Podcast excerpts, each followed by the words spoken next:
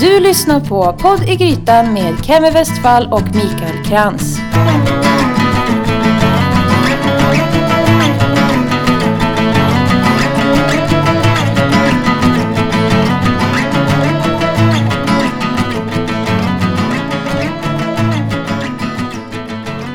Hej och välkommen till ännu ett avsnitt av allas favoritpodd Podd i Grytan.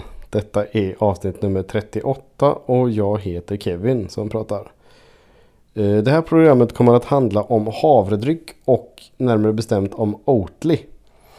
Och jag vill direkt bara klargöra att vi inte är sponsrade av Oatly och att vi inte får någonting för att prata om dem. Utan det var bara jag som fick ett infall en dag i våras om att jag ville snacka om det lilla svenska företaget som börjar producera havredryck.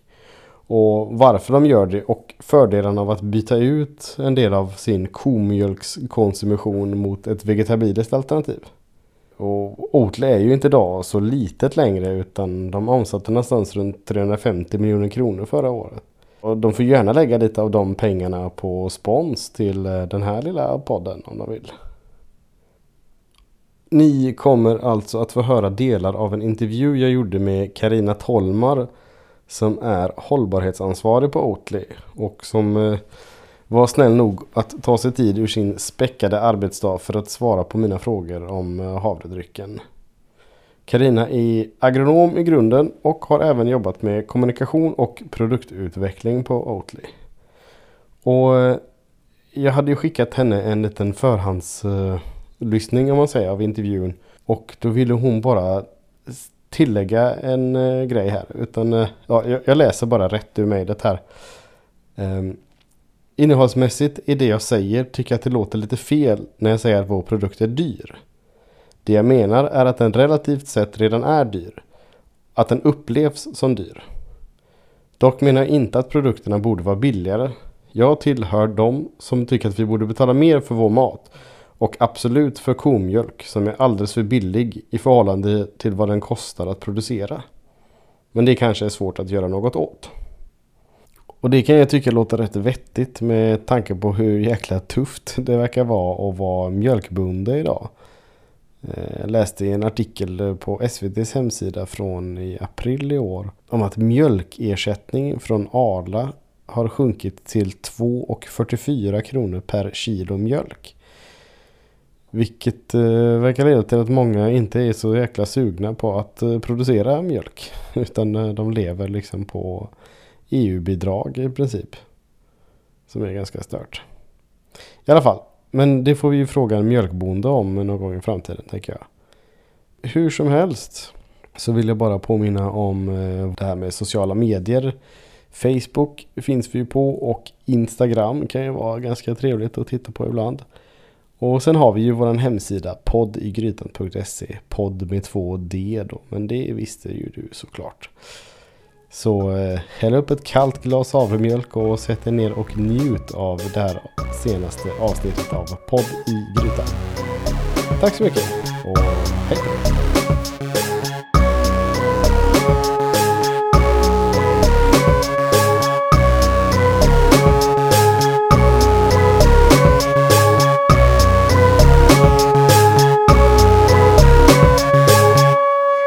Vi var eh, väl en handfull personer eh, runt 2000 och idag har vi passerat 100 faktiskt anställda. Var det där vid, vid eh, millennieskiftet som det startade? Vi lanserade på svenska marknaden 2001.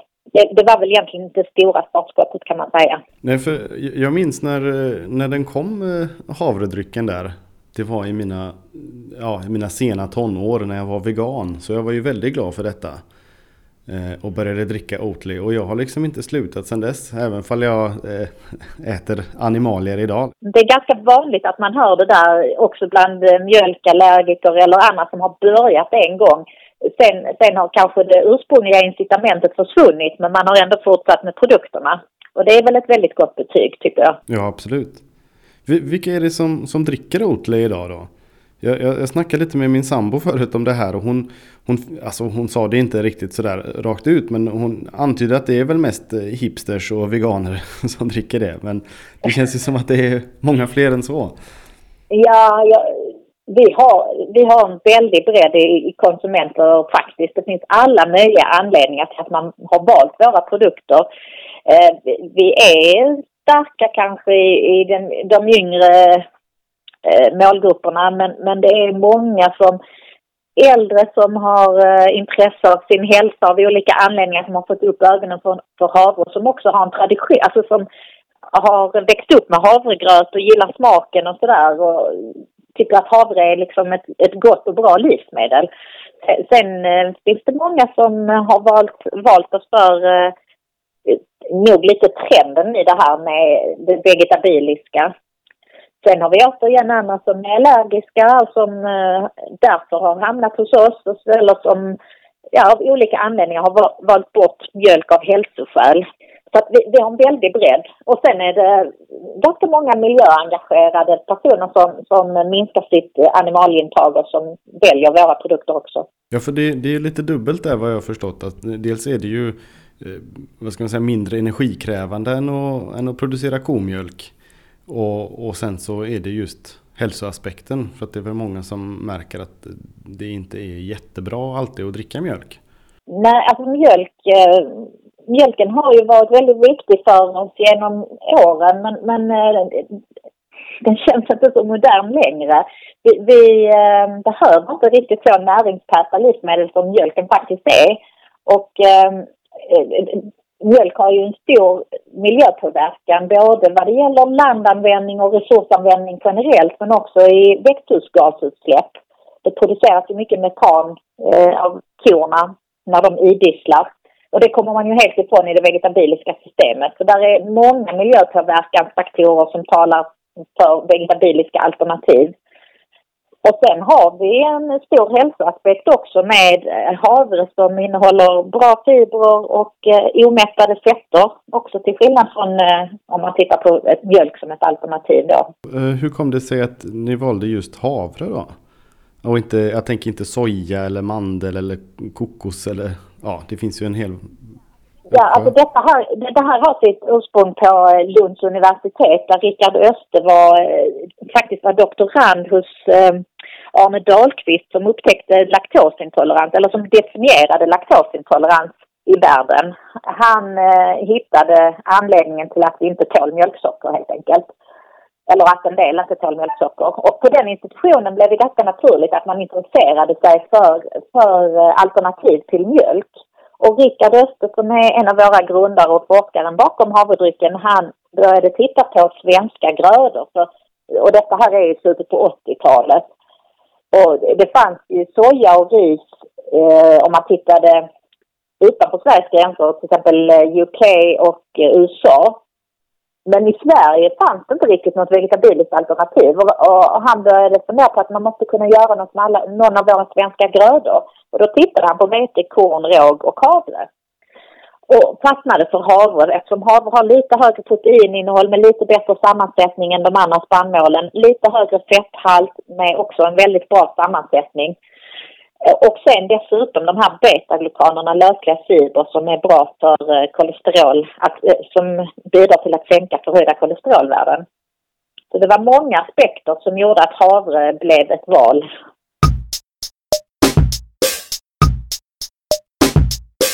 Men det har ju hänt väldigt mycket och det är ju en rörelse i samhället också som, som är till fördel för vegetabiliska livsmedel. Att det här är ju liksom en global trend att man äter mer vegetabiliskt, vilket vi märker på våra marknader runt om i ja, Europa framförallt där vi säljer på export. Äter man mer vegetabiliskt i, alltså, i andra länder utanför Sverige? För jag har, jag har en känsla av att det är just i, alltså i Nordeuropa och Nordamerika, det är där det konsumeras mest mjölk egentligen. Jo, men så är det ju. Det, det är ju en del av det, man säger, det västerländska kostmönstret och kanske allra mest mjölk, precis som du säger, i norra delen av Europa i alla fall och i Nordamerika. Men man äter ju mycket animalier överlag i, i den västerländska kosten, även i övriga Europa. Men, men intresset för vegetabilisk mat eller vegetariskt har ju ökat jättemycket. Uh, hur, uh, jag hade gjort några anteckningar här gällande Oatly och uh, jag skrev en lite tafflig fråga här. Är Oatly svaret på klimatkrisen? Kanske inte riktigt så enkelt men... Nej, Nej det är det ju inte. Hur, hur är det jämfört med de här andra då, sojadryck eller risdrycker och sådana här saker? Är havre att föredra det? Alltså om man inte bara ser med svenska mått då, att vi här vi odlar havre utan mer har du någon koll på liksom, eh, vad ska man säga, klimatpåverkan om man jämför de här olika grödorna? Ja, alltså det beror ju så otroligt mycket men på eh, omständigheter för odling och annat. Det man kan säga om ris det är ju att, att odlingar av ris eh, avger metangas i stora mängder faktiskt. Så att ris är ju inte ett klimatsmart alternativ på något vis. Eh, soja, det beror otroligt mycket på hur odlingen går till. Problemet med soja är ju många gånger att man skövlar skog för att odla soja och, och på så vis så släpper, släpps det ut väldigt mycket växthusgaser vilket inte är bra och, och av många olika anledningar är den typen av sojaodlingar inte bra för biologisk mångfald och annat.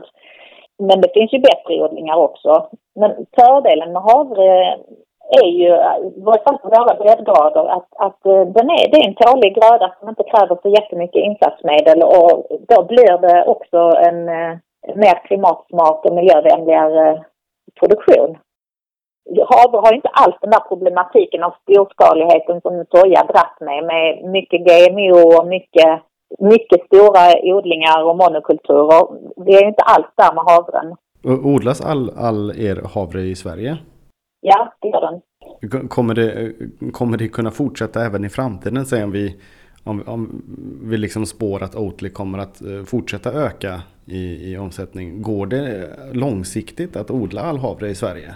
Det beror på hur stort det blir. Men eh, på ganska lång sikt så, så eh, tror jag det. det. Det handlar ju om framförhållning och diskussioner med bönder och så att det planeras och, och så. Det, det, det är klart att det kommer att kräva ett allt större arbete för oss att säkra våra volymer. Men eh, än så länge så ser vi väl inte det som ett hinder. Vad var visionen eh, när Oatly startades och, och, hur har den eh, förändrats? Oatly startades var det ju tanken att göra mjölk som alla kan dricka. Det var liksom grundtanken. En, en mjölk som man kan dricka oavsett eh, födoämnesallergier, religiös tillhörighet, etiska överväganden. Hela den biten ville man omfamna och sen Rickard var eh, aktiv på 60-talet i miljörörelsen så han hade tankar om en betydligt lägre resursanvändning i produktionen också om man jämför då med en komjölk. Och tänkte, och tänkte redan då väldigt långsiktigt att tänk om hela världen skulle konsumera komjölk så som vi gör i, i väst, västvärlden. Det skulle ju aldrig funka med all den eh, logistik och infrastruktur som det kräver, alla resurser det tar i anspråk. Eh, så det, var, det var en, eh, fanns med då, men det är väl en, en del om man, den hållbar, hållbarhetsaspekterna har funnits med hela tiden men har utvecklats starkare de sista åren skulle jag säga. Men en mjölk för alla var tanken från början. Är det någon som, som inte kan dricka Oatly då? Hur, hur är det med, med glutenallergiker och så?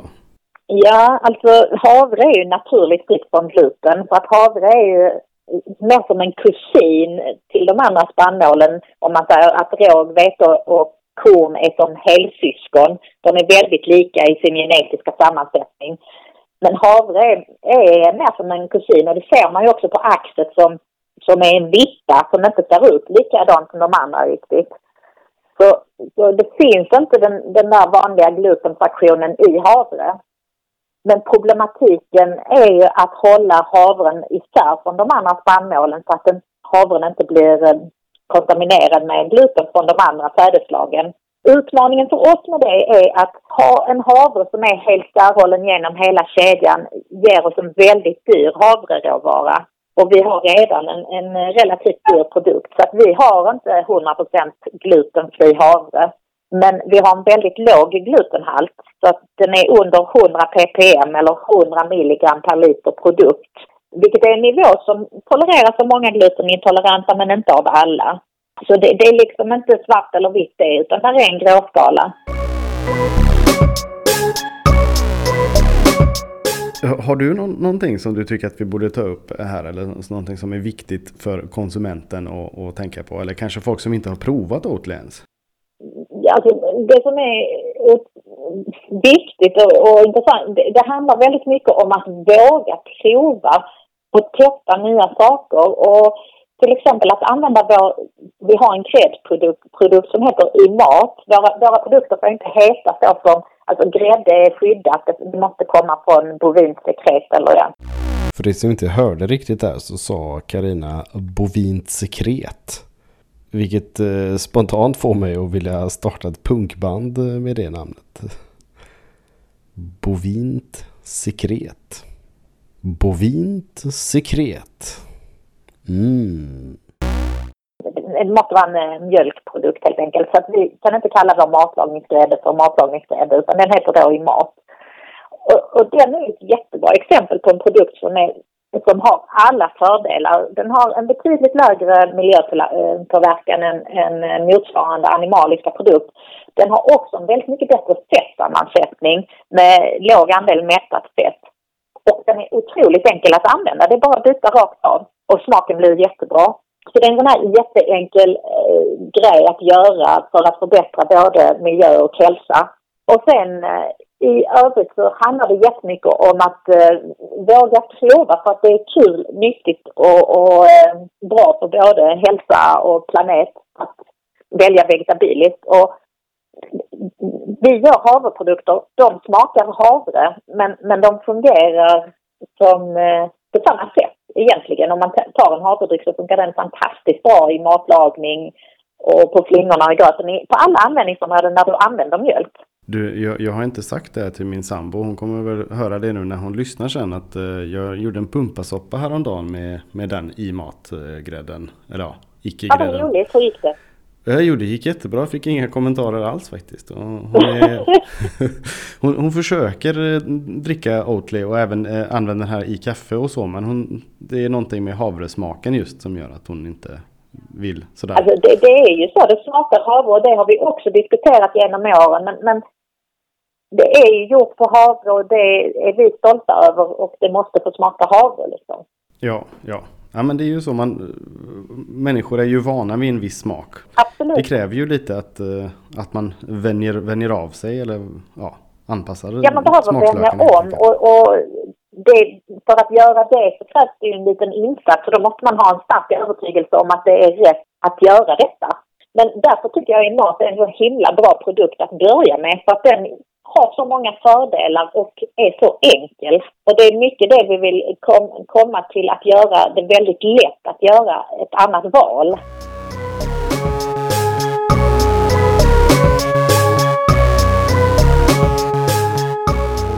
Det är ju som du säger att det, någonstans måste ju konsumtionen av animalier minska. Liksom. Och det måste ju inte vara av ideologiska skäl utan mer att man ser till den totala energikonsumtionen i världen vi måste använda resurserna vi har på ett effektivare sätt än vi gör idag. Vi kan inte föda en växande befolkning med animalier. Av vår, av vår jordbruksmark, jag vet inte, det är 80 procent av den jordbruksmark vi har går till för att, för att föda upp djur. Och det är liksom helt ohållbart. Det, det tror jag, det måste drivas från eh, konsumenter att man efterfrågar mer, eh, mer vegetabiliska alternativ så man får in baljväxter i växtföljden till exempel så vi inte har monokulturer av spannmål. Vi vill inte ha monokulturer av havre heller naturligtvis. Så vi behöver arbeta för en, för en ökad vegetabilisk konsumtion totalt sett.